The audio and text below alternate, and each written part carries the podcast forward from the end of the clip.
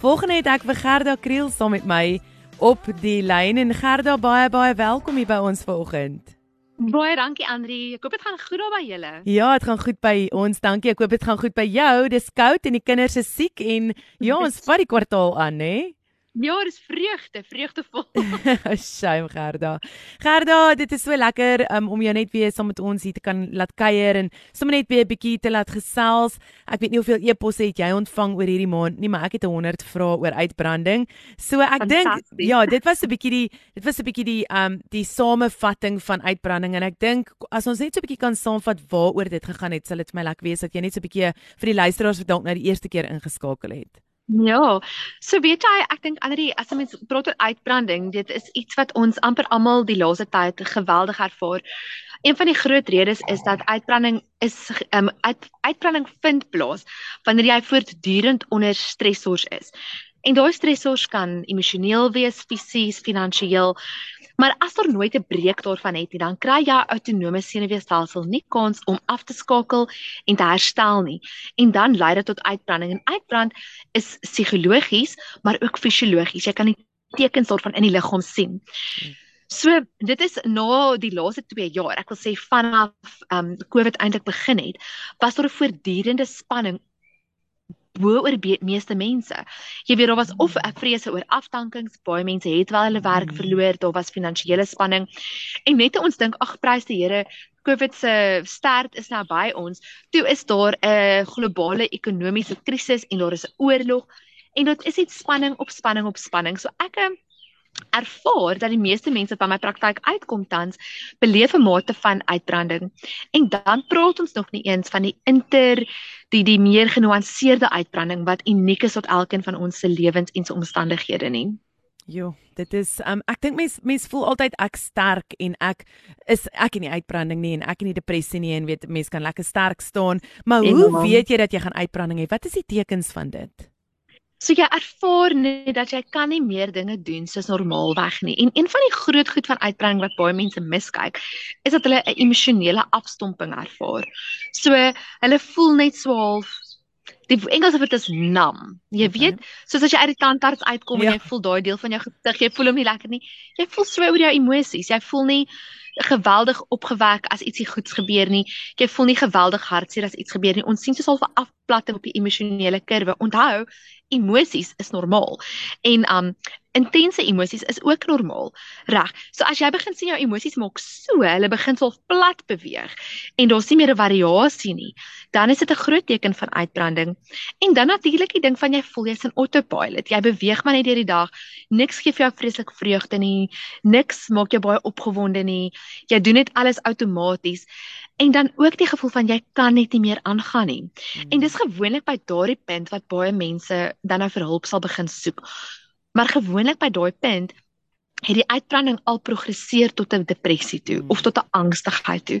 En dit is eintlik wil ek vir mense sê, kyk na jouself, wees bewus van die tekens baie vroeër sodat jy kan 'n intervensie kry voordat jy kom by 'n punt waar jy um depressief raak of jy kom by 'n punt wat jy voel jy wil nie meer leef nie. Uitbranding is 'n regte ding en jy's reg, mense dink hulle is baie sterk, maar weet jy ons het nou weer in so 'n bietjie westerretjie terug um bome gehad, 'n brand gehad, vreeslike brande gehad wat in die natuurreservaat begin het en en deurgebrand het. En um my man vat ons toe nou die dag om te gaan stap by 'n plekkie waar uh dit is 'n 'n bloekombos. En soos wat ons stap, sien ek net al die bome lê. Dit het gebrand en baie van hierdie bome, um die stadsraad het 'n klomp kom afsaag wat seker sigbare skade gehad het. Maar baie van die bome as gevolg van die brand het net eenvoudig geknak. En as ek vir jou sê, dit is bome wat seker 20, 30 meter hoog in die boom ja. Of in die lug opstaan. Ja. En ek het daar gestap en besef dat dit is hoe uitbranding werk. Jy sien nie noodwendig die sigbare tekens op jou lyf nie, maar op 'n dag dan knak daai sterk boom.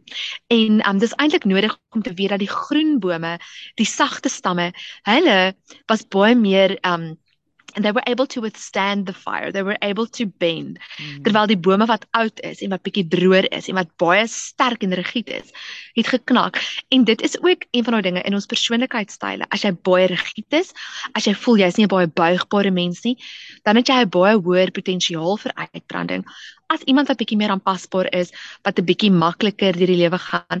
Iemand wat ek wil sê 'n groen stam het. Jy ja. weet 'n groen stam is buigbaar. Ek hoor jou. Dit is 'n baie baie goeie vergelyking en ek dink um Ja, toe jy dit nou sê, toe maak dit so perfek sin want mense is altyd weet mense is altyd so bang, weet wat as mense nou dink ek het depressie of wat as mense nou dink mhm. ek het nou uitbranding, weet wat gaan die mense van my rondom my dink? Maar daar's daar is hulp wat buite gekry kan word. Um weet ja. is dit is dit iets wat medikasie moet kry? Is dit net iets wat dalk net meer meer moet gesels oor word? Wat sal jy so versoen sê waar, waar kry jy daai hulp? So die eerste ding wat jy moet begin doen is jy moet rus in jou lewe inwerk. En ek weet ons almal voel ons het nie tyd om te rus nie.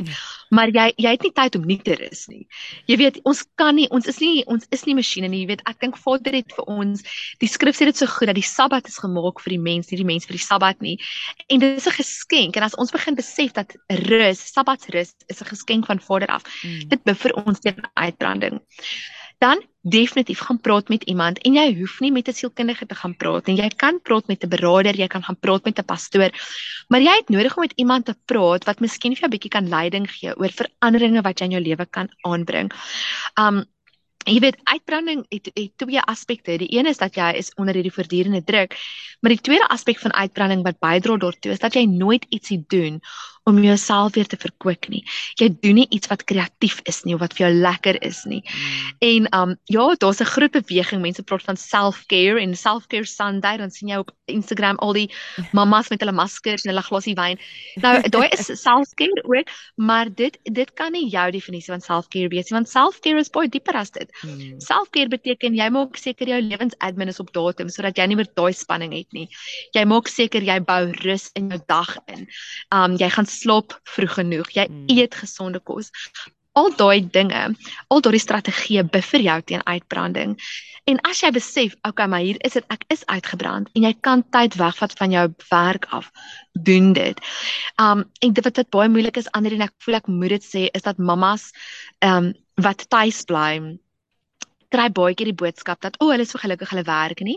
So hulle lewens is net een lang Desember vakansie. Uh, nee. En vir al mammas wat wat ja, glad nie, nee. glad nie. En en en vir al mammas wat by skool, jy weet hmm. en en, en ek dink daar's 'n daar's 'n ek vind hulle vra moeilik vir hulp.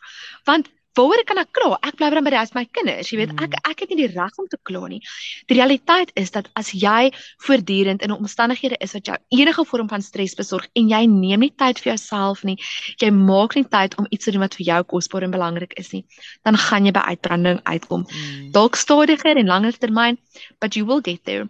So vir enige iemand, as jy in jou omstandighede net kan inbou bietjie kreatiwiteit, weet jy, ek kan nie genoeg beklemtoon hoe 'n magtige tonikum kreatiwiteit is eintlik vir ons siege nie. Hmm. En dit beteken jy hoef nie nou te gaan skilderklasse neem as dit nie binne jou vermoë is nie.